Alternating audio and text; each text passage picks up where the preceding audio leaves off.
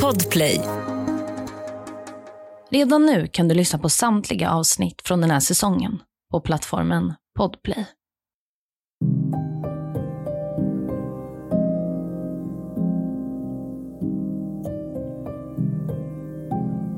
Det är en kylig kväll i november. Året är 2010. Ett samtal kommer in till larmcentralen, Region Västergötland. Det är en man som ringer och säger “Jag vill göra rätt för mig” och det jag har gjort det har jag ingen aning om. Jag har käkat köttet från tjejen. Det är tyst i några sekunder och operatören frågar chockat. Åt du köttet från henne? Han svarar henne lugnt och betydligt tydligare. Ja, jag åt av henne. Ja. Det här är berättelsen om ett av Sveriges mest omtalade fall då en fembarnsmamma föll offer för en mördare och en brutal kannibal. Namnet som nämns i avsnittet är fiktivt. Du lyssnar på Jakten på mördaren, en podcast av Saga Lindqvist Springhorn. Dagens avsnitt är skrivet av Lisa Törnlöf. Jag vill varna för grova och ingående våldsskildringar.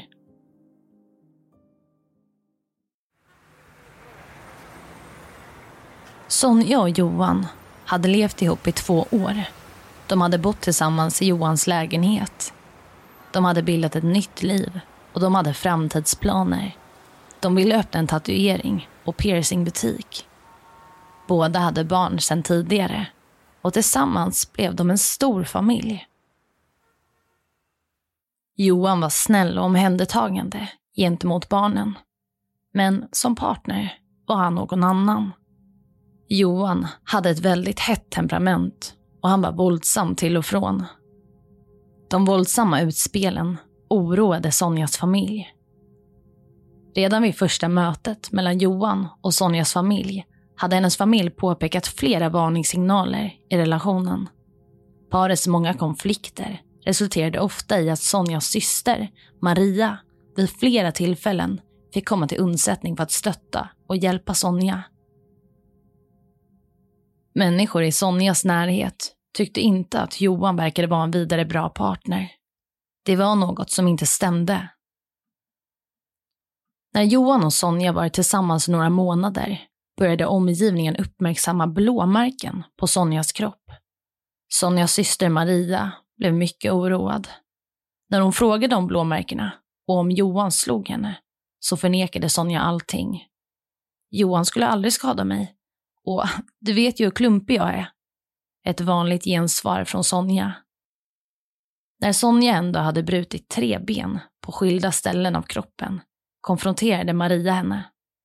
Sonja påstod då att hon bara hade snubblat på en sopskyffel. Maria ifrågasatte historien och Sonja bara skrattade och böt samtalsämne. Men i Sonjas dagbok framträder en mer sanningsenlig bild av relationen mellan henne och Johan. Där beskriver hon rädslan hon känner gentemot honom. Hon beskriver också svårigheterna med att berätta om det som har hänt för närstående. Hon var rädd för att mista sitt liv om hon berättade om Johan och vågade därför inte söka hjälp. Hon beskriver även Johans aggressiva humör som hennes familj också uppmärksammat och hans personlighetsförändringar.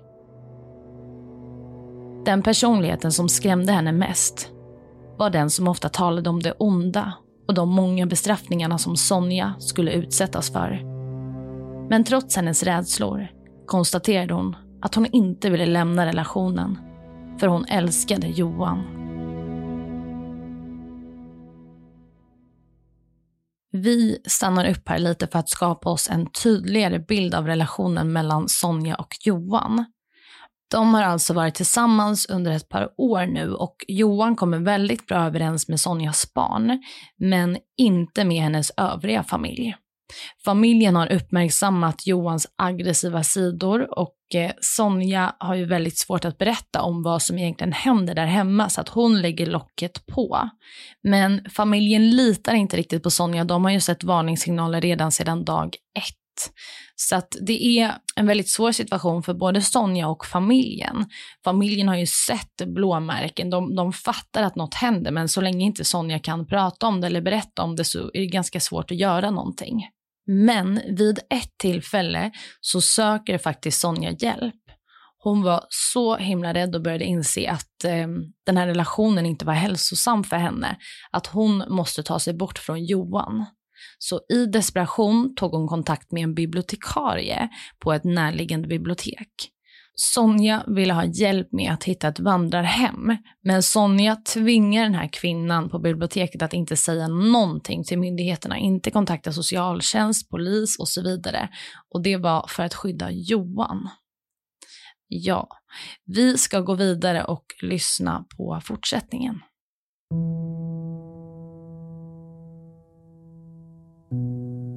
Det är den 12 november och klockan har precis slagit 18.00. Sonja hade återvänt till Johan. Han hade ju förklarat hur ångerfylld han var och att han lovade att han skulle söka hjälp och förändras. Deras relation var värd att kämpa för. Han älskade henne och hon älskade honom. Men det Sonja skulle utsättas för den här kvällen är långt ifrån en kärleksfull akt. Till en början var allting ganska normalt. Det var en vanlig måndagskväll och Johan hade satt på en film som de skulle titta på. Filmen de såg var baserad på den verkliga historien om den amerikanska massmördaren och kannibalen Albert Fish. En person som dömdes för att ha dödat och dessutom ätit upp 15 stycken barn.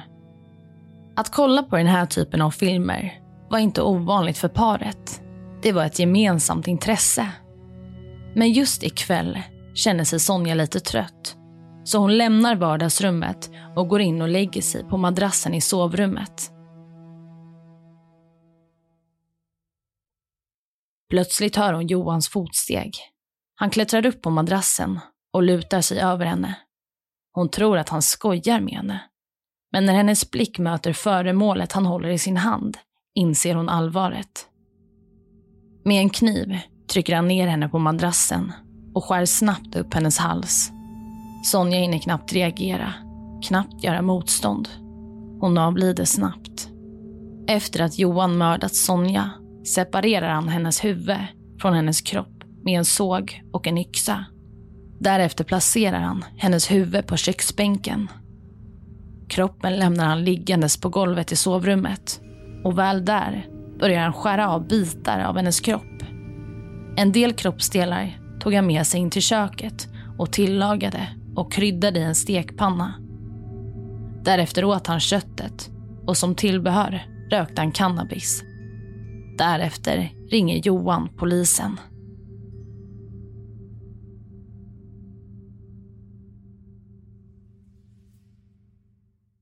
Johan berättar vad han har gjort mot Sonja. Han säger att han vill ta ansvar och göra rätt för sig. Efter erkännandet angav Johan sitt personnummer och adress. I samma veva påpekade han även hotfullt att han hade vapen i bostaden och att om polisen skulle skjuta honom skulle han skjuta tillbaka. Samtidigt som polispatrullerna är på väg till brottsplatsen fortsätter Johan och larmoperatören att samtala. Johan börjar nu förklara att han under en längre tid kämpat med sin medicin och att han led av ADHD och antisocial störning. Han berättar att han hört röster och att de sagt till honom att döda Sonja. Annars skulle jorden gå under. Johan berättar också att han inte tagit sina mediciner den här dagen. Och nu kunde han inte förstå vad han hade gjort. Hade han verkligen dödat Sonja? Johan fortsätter och berättar om att han varit med i kriminella organisationer. Men när operatören frågade vilka så vägrade han att berätta.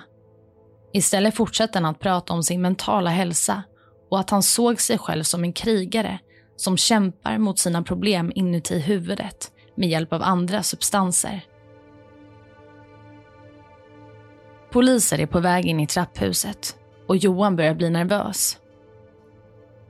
Operatören försöker lugna Johan och säger att han inte ska ta fram några vapen utan istället lämna dörren på glänt, lägga sig på mage på golvet och visa sina händer. Det sista larmoperatören hör från Johan är en vädjan efter hjälp och att han vill att hans läkare ska ta del av alla uppgifter från den här kvällen. Jag har inte fått min medicin. Kan du säga det till dem? Polisingripandet blir odramatiskt. Johan gör ingen motstånd. Han gör som polisen säger. Patrullen möter en fruktansvärd syn. I sovrummet ligger Johans sambo och flerbarnsmamman Sonja död. Och intill hennes kropp, som saknar huvud, ligger en blodig kniv. Ja, vi stannar upp där lite. Enligt Johan så har psykiatrin svikit honom. Han har genomgått två psykiatriska utredningar där det funnits antydan att han lider av psykisk störning. Johan menar att psykiatrin borde tagit hand om honom bättre. Han har försökt söka hjälp och när medicinerna han skulle få inte dykt upp så började han själv medicinera sig med narkotika, vilket resulterade i ett långvarigt missbruk. Johan menar att psykiatrin inte ville ha något med honom att göra och att det var en av anledningarna till att det blev sådär den där kvällen. Johan har flera kopplingar till kriminella nätverk i området där han bor. Han har nio domar bakom sig, så han var känd av polisen sedan tidigare. Nu går vi vidare. I polisförhören dagen efter mordet beskrev Johan händelseförloppet och förklarade att det kändes som att det var flera människor i rummet när han mördade Sonja. Det var som att han befann sig i en film och olika karaktärer beordrade honom. Han menade alltså att de så kallade karaktärerna var anledningen till att han mördade Sonja. Det var de som styrde honom. Vad som triggade Johan att döda sin partner är sedan tidigare fortfarande oklart. Polisen har däremot en teori. De tror att filmen om seriemördaren Albert Fish kunde vara en bidragande faktor till att han mördade Sonja denna teori bekräftades däremot aldrig av varken Johan eller hans försvarare under polisförhören och rättegången. I mars månad inleddes rättegången mot Johan. Den mordmisstänkte åtalades för mordet på sin sambo Sonja. Johan, som sedan innan hade erkänt mordet på Sonja, hade genomgått en rättspsykiatrisk undersökning. Undersökningen bekräftade det Johan berättat om hans psykiska ohälsa något som rätten fick ta del av. Klockan var 13.00 när Johan iförd handbojor anlände till rättssal nummer 5. Rättssalen var en säkerhetssal med glas som separerade den åtalade från åhörarna. Isolerade bakom glasrutan satt Sonjas anhöriga och väntade på att någon form av rättvisa skulle utdelas. Förhandlingarna drog igång och åklagaren började läsa upp de många punkter av brott som Johan anklagades för. Där det tyngsta brottet han anklagades för var mord med inslag av kannibalism. Under förhandlingen visades groteska bilder från brottsplatsen och de presenterade även obduktionsrapporten.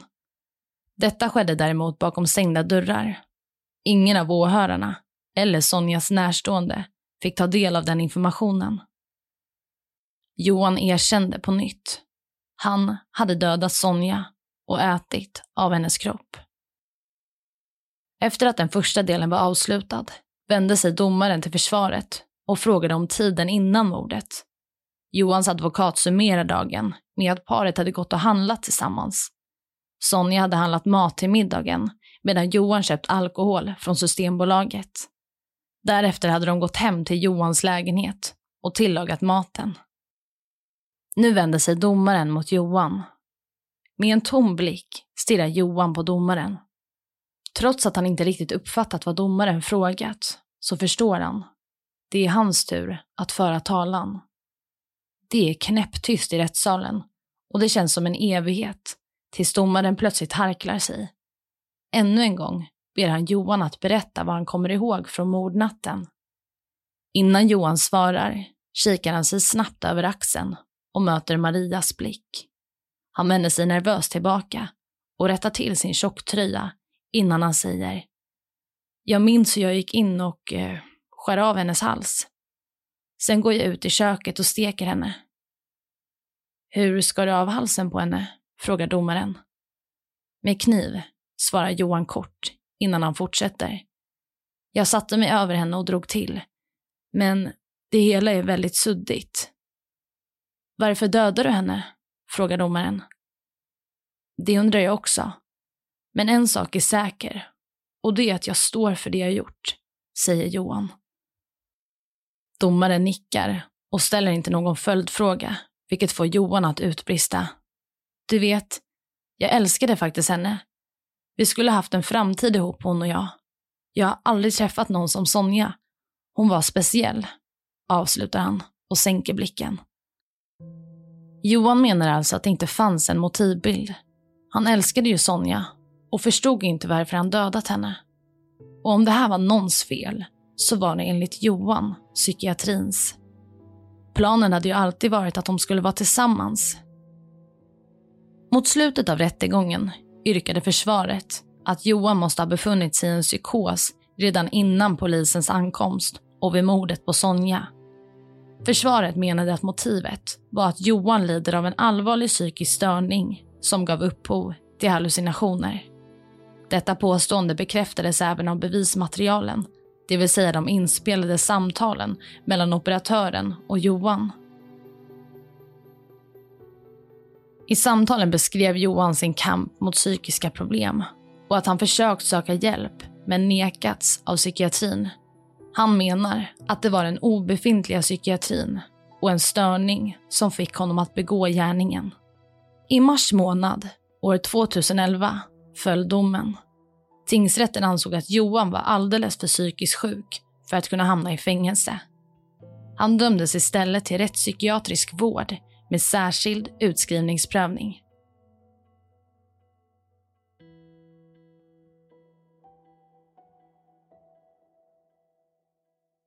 Ja, vi stannar upp där lite. Johan vårdas fortfarande och medicineras dagligen. Under sin tid på sjukhuset så skapade han en blogg.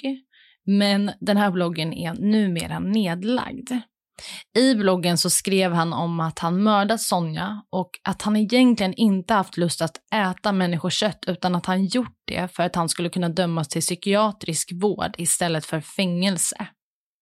I bloggen har han skrivit följande citat. De flesta säger någon gång i sitt liv att de aldrig skulle kunna ta någon annans liv. Men har du väl gjort det en gång är det ingen stor grej längre. Ja, och eh, under tiden som Johan har varit eh, på rättspsykiatrin så har han också inlett två relationer. Den ena med en kvinna som kallade sig själv för vampyrkvinnan. De träffades på psykiatrin och det de hade gemensamt var att de båda mördat sina tidigare partners genom att skära halsen av dem.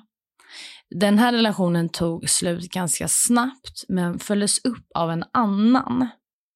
Nu blev Johan istället tillsammans med en av hans vårdare, vilket väckte oro bland ledningen. Den här vårdaren sa upp sig i samband med att eh, ledningen uttryckte att hon var en säkerhetsrisk och eh, de bedömde såklart att hon inte fick jobba kvar eh, då hon hade en relation med en av patienterna. Idag är Johans civilstånd oklart. Under våren 2017 så ansökte Johan om att få behandlas av den öppna psykiatrin, men denna ansökan nekades. Och det här var ett stort bakslag för Johan som hade hoppats på att få lämna rättspsykiatrin, men man ansåg att han var för sjuk för det. Johan tillåts fyra timmars permission, vilket har gett upphov till kritik från bland annat Sonjas syster Maria. Maria menar att det här är helt vansinnigt, att man släpper honom lös i samhället och hon, hon menar att han kommer ju missköta sin medicinering, någonting hemskt kan inträffa. Maria är säker på att Johan en dag kommer att skada någon igen. Och innan vi avslutar det här avsnittet så vill jag dela med mig av vad det står på Kvinnofridslinjens hemsida. Det står så här.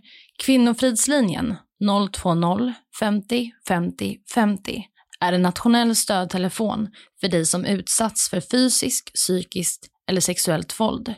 Du som är anhörig eller vän är också välkommen att ringa till oss. Vi har öppet dygnet runt och du kan ringa oss oavsett var du bor i Sverige. Det var allt för dagens avsnitt.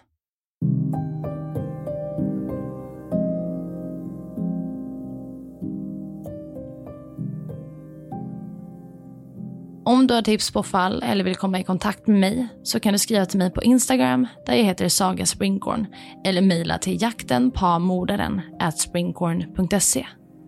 Tack för att du har lyssnat.